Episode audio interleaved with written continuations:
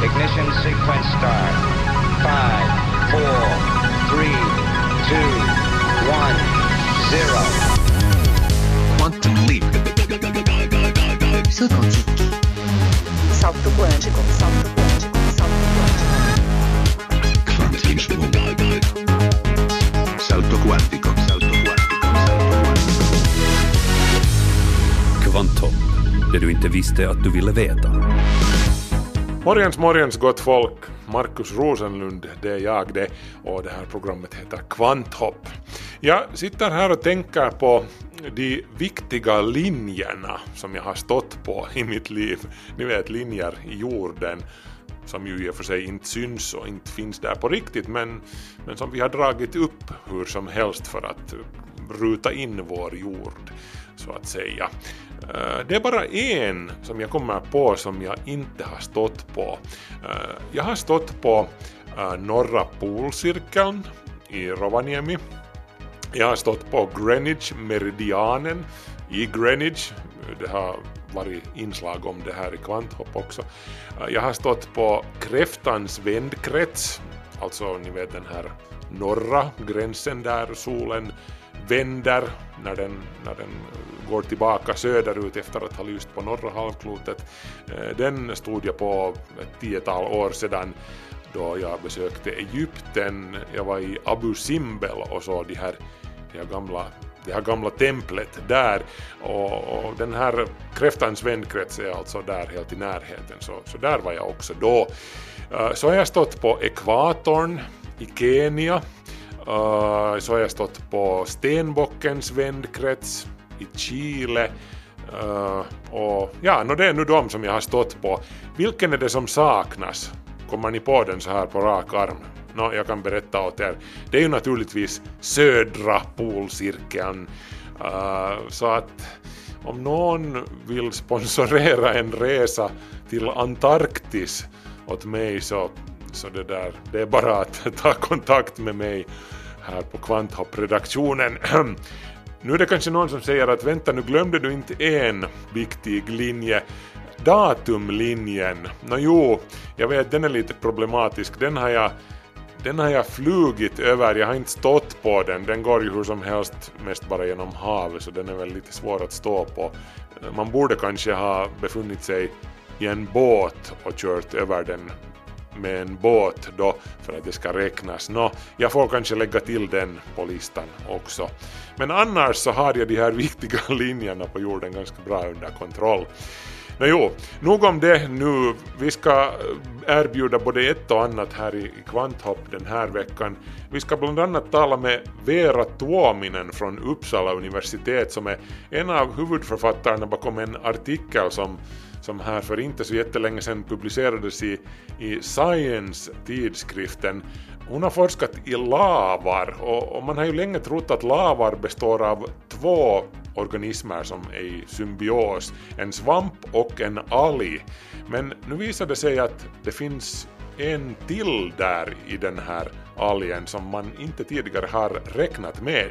Vad vi hittade var att det inte finns bara en huvudsvamp i lavar men istället i många fall så finns det en tidigare okänd svamp, basidiesvamp, som är med och bidrar till laven på något sätt som vi inte riktigt vet än vad den gör i lavar men, men den finns där. Förutom lavar ska det också handla om radioblixtar från rymden. Vad är de för någonting, de här snabba blixtarna som flashar till ibland och som astronomerna inte riktigt har blivit kloka på att vad är de och varifrån kommer de? Nå, nu vet vi i alla fall varifrån de kommer, åtminstone en sån här blixt har man lyckats lokalisera, eller dess ursprung då. Och så ska vi tala om supervulkanen Campi Flegrei under Neapel i Italien. Den visar nu oroväckande tecken på att vakna upp och börja mullra och om den får ett fullfjädrat utbrott så då, då är vi alla riktigt illa ute.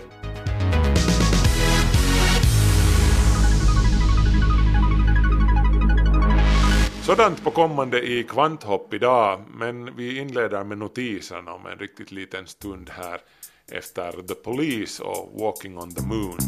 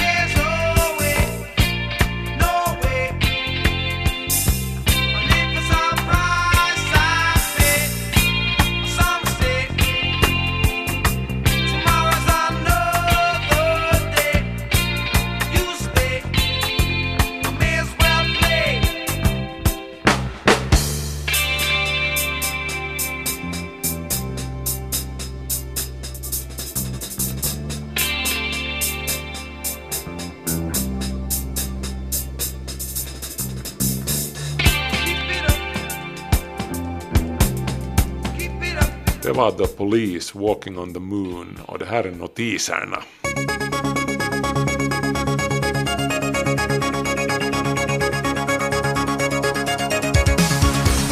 100 miljoner euro och 4000 ton partiklar. Så mycket pengar respektive luftföroreningar innebar nyårsfyrverkeriet bara i Tyskland, skriver Süddeutsche Zeitung. I München till exempel, där överskred stadsluftens partikelhalt EUs rekommendationer med 26 gånger den tillåtna mängden. Det här motsvarar 15 procent av trafikens årliga partikelutsläpp i Tyskland. Och de här siffrorna har nu fått många miljövänner att kräva att man förbjuder försäljningen av fyrverkerier till privatpersoner i Tyskland. Eh, till exempel i Australien har fyrverkerier varit bandlysta från butikerna sedan 80-talet då med hänvisning till att folk gör sig illa med fyrverkeriraketerna. Som kompensation ordnar sedan många australiensiska städer kommunala fyrverkerier på nyårsafton. Flera människor skulle säkert köpa elbilar om det inte vore så jobbigt med laddningen. Finns det laddningsstolpar dit jag är på väg och hoppsan, jag glömde sladden hemma. Men nu ska det bli lika enkelt att ladda en elbils batterier som att ladda en eltandborste. Amerikanska General Motors i samarbete med Y-Tri-City utvecklar nu en metod för trådlös laddning som innebär att du bara behöver parkera din bil på en för ändamålet avdelad parkeringsplats och så laddas bilens batterier automatiskt genom induktion på samma sätt som eltandborsten laddas när du sätter den på sin platta eller i sin ställning. Den här trådlösa laddningen erbjuds såklart också åt privatpersoner till garaget där hemma, eh, vilket ju är praktiskt. Det enda du behöver göra är att köra bilen in i garaget och så laddas batterierna utan sladdar och utan att du ens tänker på saken. Biltillverkarna måste ju förstås också fås med ombord för att det här ska fungera. 2020 är det tänkt att det här systemet ska börja tas i bruk. Världens största teknikmässa, The Consumer Electronics Show, eller CES 2017, går av stapeln i Las Vegas i USA den här veckan med mer än 165 000 besökare och 3800 utställare som förevisar sina grejer. Och vilken är då årets pryltrend på CES? Nå, bilar såklart, skriver USA Today, framförallt förarlösa bilar. Eh, bilar är ju dessutom uppkopplade de också nu för tiden, så en massa teknik finns där också att erbjuda. Och robotarna, de är också stjärnor på årets CES-mässa. Robotassistenter för hemmabruk. Eh, robotarna har dragit nytta av allt billigare teknik som har tagits fram i samband med utvecklingen av smarttelefoner och dataspel. Tillverkarna har i år satsat hårt på att ge robotarna mer personliga drag, något som de inte har haft tidigare, vilket har fått konsumenterna att tycka att de är lite tråkiga.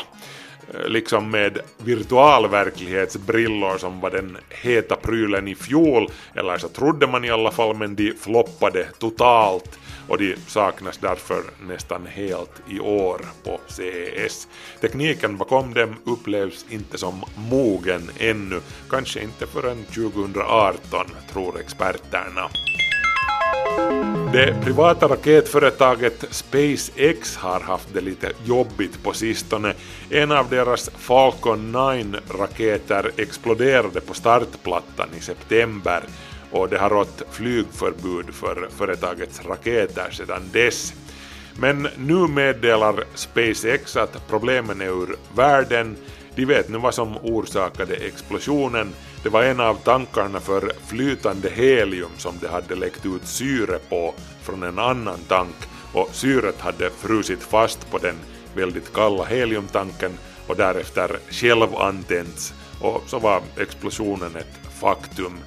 I samma veva skadades också själva startplattan i Cape Canaveral allvarligt. Så nu på söndag när nästa avfyrning är tänkt att ske så skjuts Falcon 9-raketen iväg från Vandenberg militärbasen nära Los Angeles istället. Med ombord finns då 10 stycken Iridium Next kommunikationssatelliter.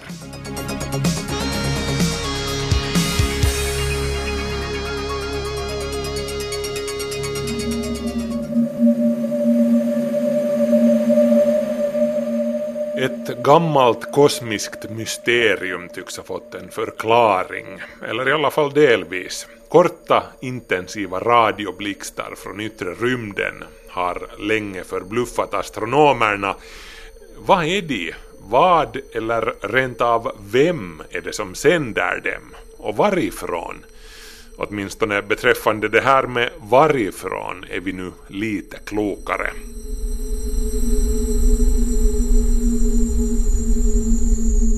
Tänk dig att du befinner dig i en öken mitt i natten på en enorm öppen vidd. Det är kolmörkt.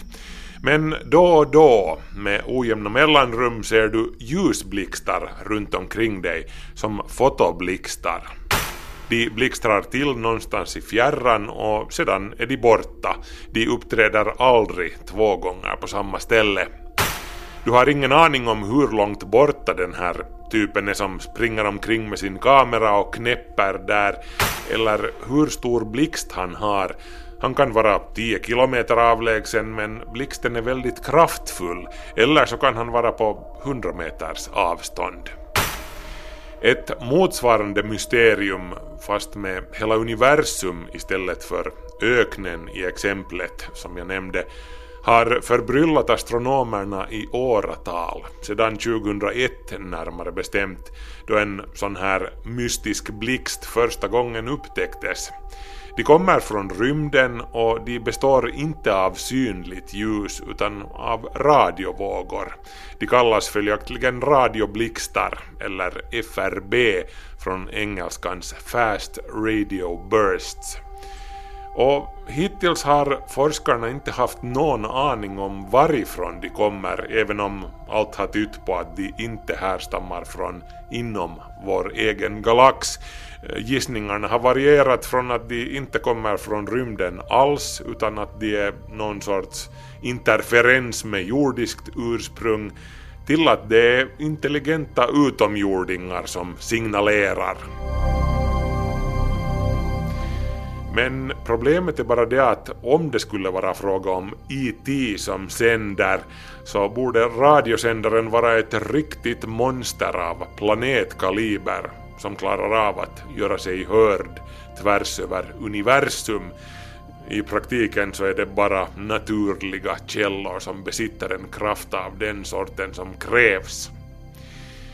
Den här Senaste radioblixten vars ursprung man nu alltså för första gången har lyckats lokalisera den ligger i en icke namngiven dvärggalax på 3 miljarder ljusårs avstånd.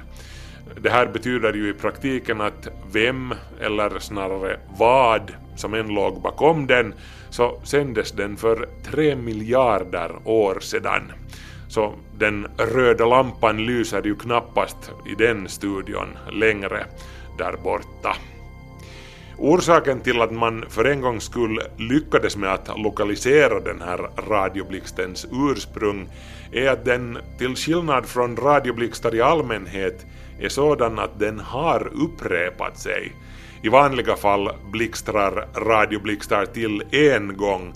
Det hela pågår i några millisekunder och sedan är det tyst. Men den här signalen har man lyckats snappa upp hela 20 gånger med hjälp av flera olika radioteleskop, bland annat Onsala-teleskopet i Sverige söder om Göteborg. Vill ni läsa mer om de tekniska detaljerna så finns det artiklar om det här i Nature och Astrophysical Journal. Det har som sagt hela tiden varit klart att de här blixtarna sannolikt kommer från någonstans utanför vår egen galax, att döma av signalernas våglängd. Man kan se på signalen att den är förvrängd efter att ha färdats genom en hel massa interstellärt damm och gas. Men som sagt, vad är det som väsnas? Utomjordingar är det knappast, men däremot så har man tippat på svarta hål som sliter sig själva i stycken, eller som slukar enorma mängder gas, eller så neutronkärnor som kolliderar.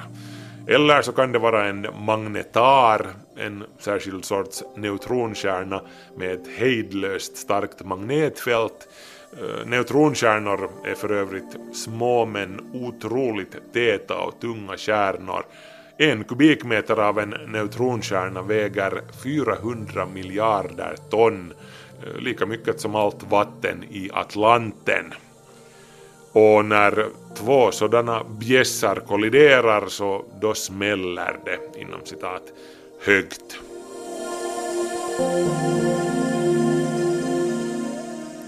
Nå, men det här är hur som helst bara gissningar beträffande vad det är som blixtrar till.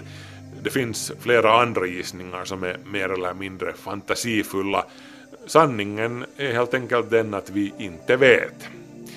Men nu vet vi i alla fall varifrån en av de här radioblixtarna kommer och, och det är ju fint. Och när vi vet det så kan vi räkna ut hur långt borta källan ligger. Som sagt i det här fallet 3 miljarder ljusår. Och då kan vi konstatera att jaha, en signal som har färdats så här långt förvrängs så här mycket av allt interstellärt damm och bråte som den tvingas passera genom på sin färd.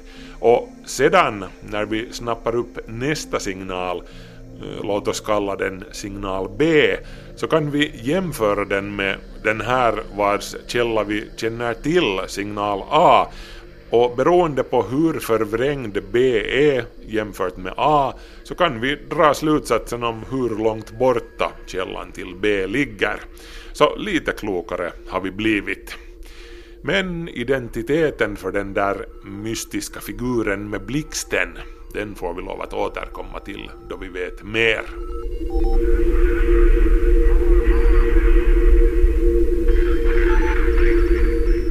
En av de äldsta modellorganismerna för symbios har i 140 år utgjorts av lavar, som består av en svamp och en alg. Eller så här har man trott i alla fall. För nu har det gjorts en ny upptäckt som får den här symbiosen att omvärderas. Den visar sig vara mer komplicerad än man har kunnat ana. Eh, den innehåller inte två genom utan tre. Veera Tuovinen från Uppsala universitet är en av huvudförfattarna bakom artikeln som nyligen publicerades i den anrika vetenskapstidskriften Science. Det var ungefär 140 år sedan man, man kom på att, att lavar är inte en organism men istället en symbios mellan svampar, eller då tänkte man att det är en svamp, och alger, grönalger eller cyanobakterier. Och svampen, vad gör den? Vad har den för funktion? Det har tänkts att svampen är den som skyddar algerna och ger struktur för lavbålen. Och suger upp vatten. Ja, tar vatten och med vatten kommer ju en del näring. Svampen har tänkts att den är den som skyddar och ger en miljö för algen att växa i. Vissa kallar lavar för mini-ekosystem så att det finns alla delar som man behöver.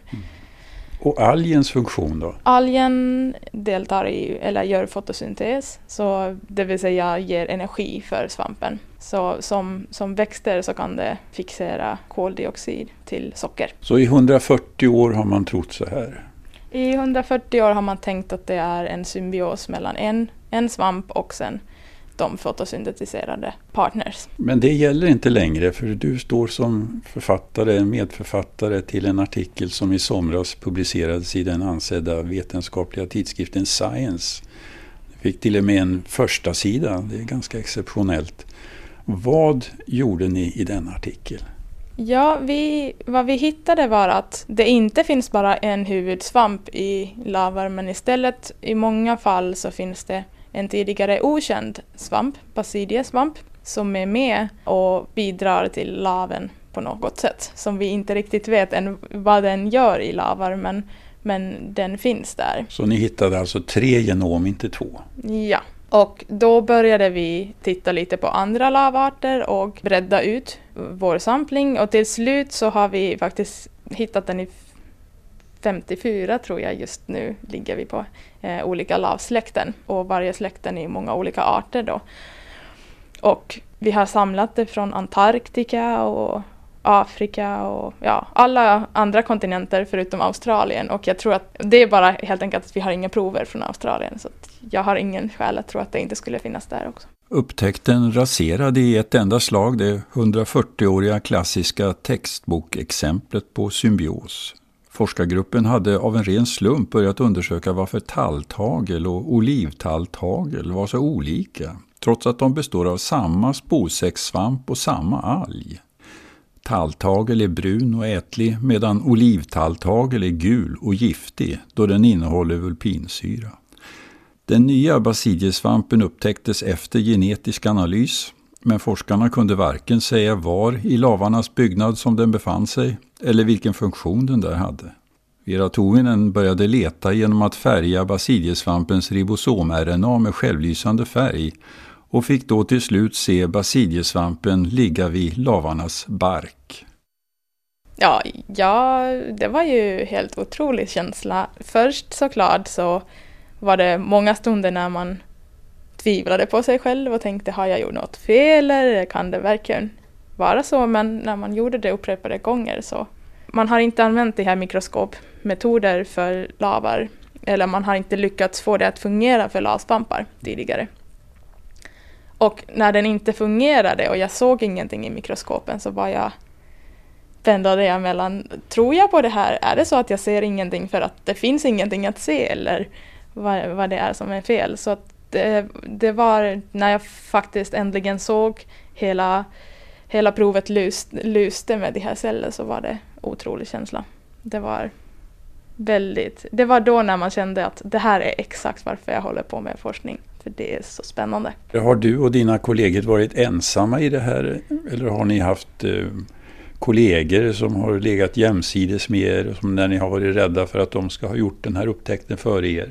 Nu visar det ju sig att ingen hade tänkt på de här banorna innan. Men vi visste att det finns väldigt många forskargrupper i världen som hade samma typ av genomdata. Eh, så vi var lite rädda på att om de bara kommer på att titta på det på rätt sätt så kommer de kunna hitta det här och hinna före oss. Så fick du hemlighålla? Ja, det var väldigt hemligt och även inom, vi hade bestämt gemensamt att inom, inom våra egna universitet också, vi fick inte prata om det vidare och det var ganska jobbigt eh, ibland för man var så himla glad och eh, man hade gärna kunnat bolla vidare med idén med folk. Vi nämnde tidigare här att det här lavarna har varit en, en modellorganism för studiet av symbios. Evolutionärt sett, hur gamla är lavar? Det finns ju lite olika uppfattningar om det men 400 miljoner år skulle väl inte vara helt fel att säga.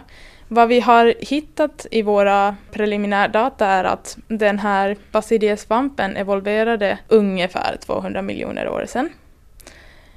Det är ungefär samtidigt som en jättestor utveckling mot busk och bladlavar som är mer, mer komplexa. De är större. Eh, de evolverade ungefär samtidigt som, som den här basiliesvampen. Eh, vilket leder till en fråga som man blir lite, man skulle vilja forska vidare, kan det vara så att det, det, när den här basiliesvampen kom som en del till symbiosen, att det möjliggjorde att lavar blev större. Just för att den finns i det yttersta lagret, barken som ger struktur. Kvanthopp, det du inte visste att du ville veta. Vera Tuovinen från Uppsala universitet var det som intervjuades av Staffan Forsell. Yle Vega. Campi Flegrei är inte vilken vulkan som helst. Den är en supervulkan, en av cirka tio stycken som vi känner till i världen. Och vad är en supervulkan då? En supervulkan är kort sagt dåliga nyheter. Mycket dåliga nyheter. Den enda nyhet som kunde tänkas vara sämre vore en asteroid i kilometerklassen som slår ner från rymden. Näst efter kolliderande jätteasteroider är supervulkaner de mest brutala och destruktiva händelser som vi kan tänka oss här på jorden. Och vi har en sådan mitt i hjärtat av vår kontinent under själva Neapel i Italien. Campi Flegrei heter alltså den.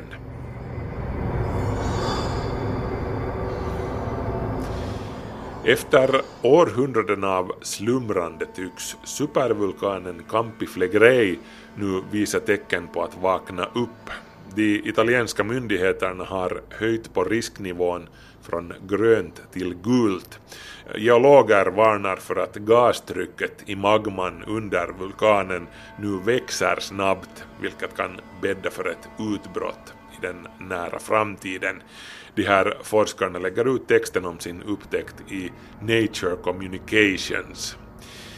Men alltså supervulkaner, vad är det vi talar om här? Nåjo, eh, vetenskapen definierar vulkaner enligt den så kallade VEI-skalan, eller vulkanexplosivitetsindexskalan. Den går från 0 till 8 och vulkaner som ligger på 7 eller 8 klassas som supervulkaner. En klass 7 supervulkan som Campi Flegrei till exempel är kapabel till att kasta upp omkring 100 kubikkilometer lava och aska under ett och samma utbrott. Eh, lyckligtvis så är utbrott från supervulkaner oerhört sällsynta. Eh, senast det hände var 1815 då supervulkanen Tambora i Indonesien detonerade. Supervulkaner får alltså sällan regelrätta utbrott, de exploderar helt enkelt. Och faktum är att Tambora 1815 är det enda supervulkanutbrottet som har inträffat i modern historia. Tambora slängde upp omkring 160 kubikkilometer lava och aska och explosionen var så kraftig att den hördes på Sumatra mer än 2000 kilometer längre bort. Mer än 71 000 människor dog som en direkt följd av den här eruptionen och ett okänt antal strök med på grund av den globala missväxten och kylan som följde i utbrottets spår. 1816 brukar omnämnas som året utan sommar. Campi Flegrei, som alltså betyder de brinnande fälten, ligger alltså strax väster om Neapel, mitt under ett av Europas mest tättbebyggda områden. Omkring en halv miljon människor bor i vulkanens omedelbara närhet, eller på den. Eh, största delen av vulkanens så kallade kaldera ligger faktiskt under vatten. Kaldera förresten, vad är det? Nå, eh, supervulkaner är alltså inte som vanliga små vulkaner, ni vet de här konformade bergen med en krater på toppen. De består av enorma kittelformade nedsänkningar i jorden, kaldera heter det här alltså, som uppstår i samband med ett utbrott då vulkanens magmakammare töms. Eh, Campi Flegrei-kalderan innehåller 24 mindre kratrar samt talrika geysrar och andra heta vulkaniska källor. Eh, Men precis som Yellowstone i USA, världens farligaste och största supervulkan, är hela Campi Flegrei-kalderan med 11 kilometer genomskärning en enda stor vulkan, en supervulkan. Det senaste stora utbrottet i Campi Flegrei inträffade för cirka 200 000 år sedan. Ett mindre utbrott för omkring 40 000 år sedan var så pass häftigt att vulkanvintern som följde alltså den här globala nedkylningen orsakad av askan som vulkanen kastade upp som blockerade solljuset, eh, tros ha bidragit till att neandertalmänniskan dog ut. De försvann just under den här tiden, men det här sambandet med Campiflegrei är dock lite omdiskuterat. Hur som helst, sitt senaste utbrott, ett relativt litet och blygsamt sådant, hade Campiflegrei år 1538. Det pågick i åtta dagar och händelsen gav upphov till berget Monte Nuovo. Men sedan dess har Campiflegrei slumrat i 500 år, tills nu. Ett fullskaligt utbrott i Campiflegrei skulle otvivelaktigt vara en enorm katastrof, inte bara för Italien, men för hela Europa och världen. Ett supervulkanutbrott mitt i ett av världens mest tättbebyggda områden. Tanken svindlar. Den omedelbara dödssiffran skulle sannolikt skrivas i hundratals tusen om inte miljoner och vulkanvintern som skulle följa skulle göra den globala tragedin komplett. Nå, men nu är det lyckligtvis knappast så att ett sånt här jätteutbrott skulle vara omedelbart förestående. Det kan i värsta fall ske relativt snart, men det kan också dröja flera generationer. Att ge ett exakt datum för ett supervulkanutbrott är mer eller mindre omöjligt. Eh, lika omöjligt som att förutspå exakt när de inträffar är att förhindra att de inträffar. Eh, supervulkanutbrott är ingenting som vi kan göra någonting åt. När de händer så händer de och vi får bara ta skydd och klara oss bäst vi kan tills askan lägger sig.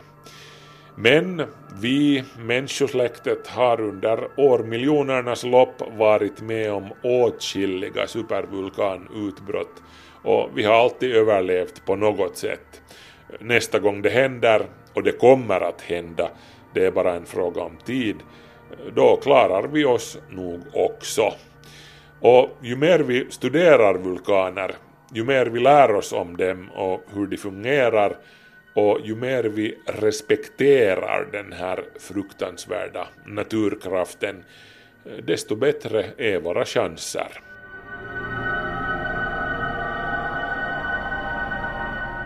Kvanthopp, det du inte visste att du ville veta. Kvanthopp börjar lida mot sitt slut men vi ska ännu uppmärksamma en diskussion som har rasat den här veckan kring en av sjöfartens allra största legender någonsin, det olycksdrabbade fartyget Titanic.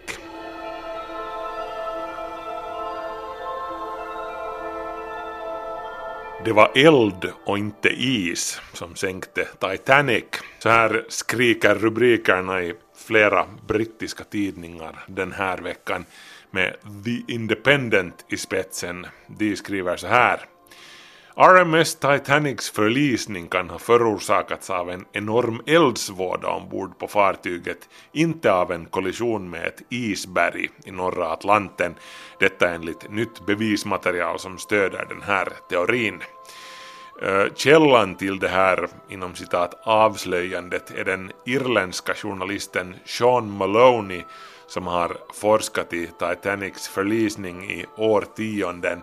Han har studerat fotografier av Titanic, aldrig förr publicerade bilder tagna strax innan fartyget lämnade skeppsvarvet i Belfast.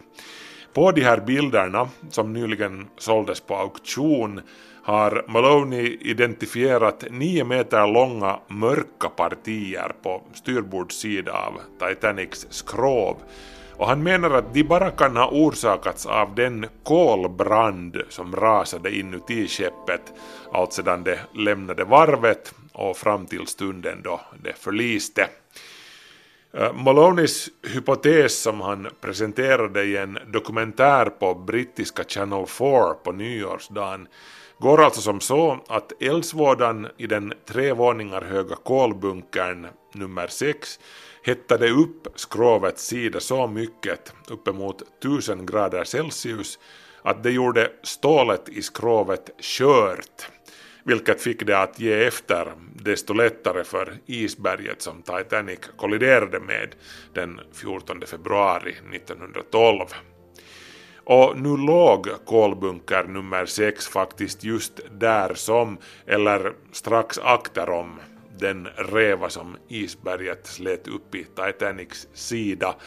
Så helt ute och cyklar är Sean Maloney kanske inte.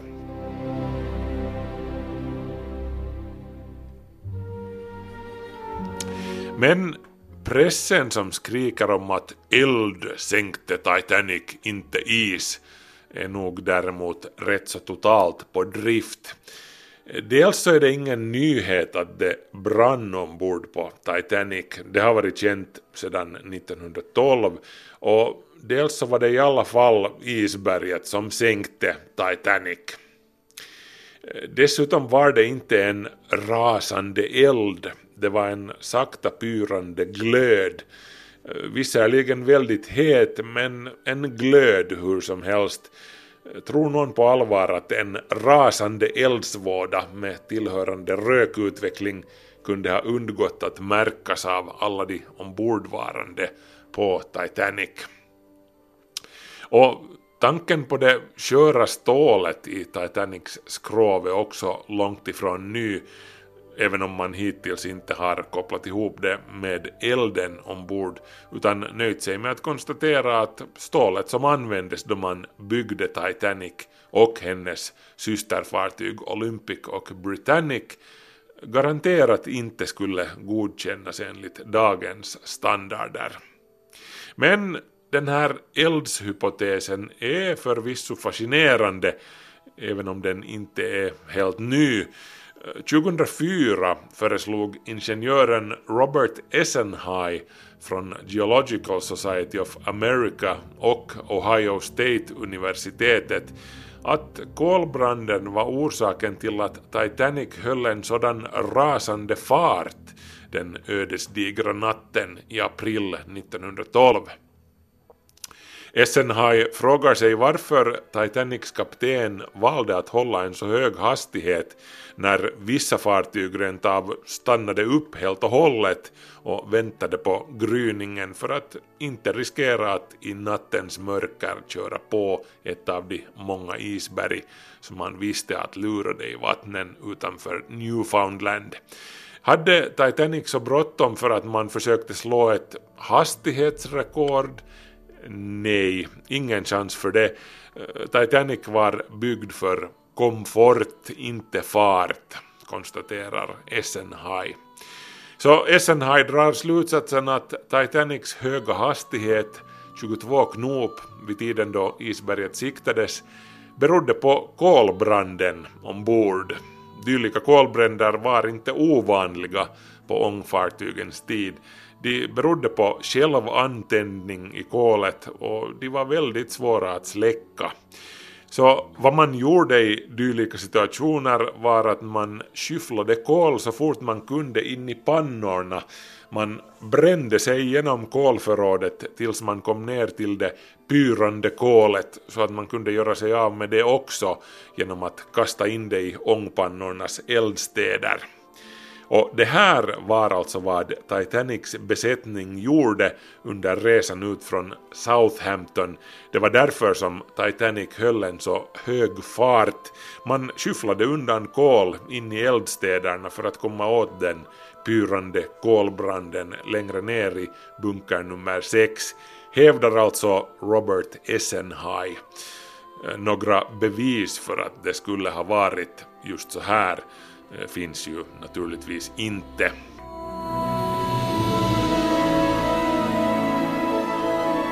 Men det bevisar ju att konspirationsteorier om den inom citat verkliga orsaken till att Titanic förliste har funnits sedan första början och de lär inte ta slut i första hast. Och även om de inte involverar rymdvarelser så är det ju på sin plats med lite is i magen, så att säga. Jo, det pyrde i kolbunker nummer 6. Det har vi vetat sedan dag 1, även om man inte har fäst någon större uppmärksamhet vid det.